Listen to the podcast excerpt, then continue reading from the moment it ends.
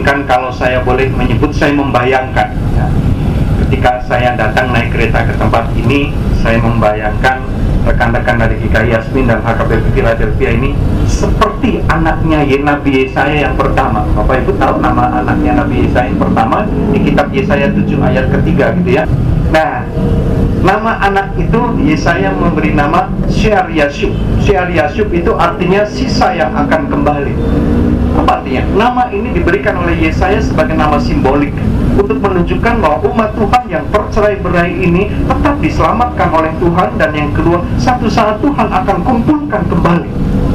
Nah, saya membayangkan rekan-rekan GKI Yasmin dan HKB Philadelphia ini saya percaya ketika kita bertanya atau saya kita ditanya dengan jujur dan rekan-rekan menjawab dengan jujur, apakah nyaman beribadah di tempat ini? Saya yakin rekan-rekan akan mengatakan tidak nyaman seandainya kita punya pilihan, bukan pilihan ini yang diambil. Saya percaya. Tetapi ketika toh kita di dalam segala situasi yang demikian, kita tetap harus melakukan ini semua. Percayalah.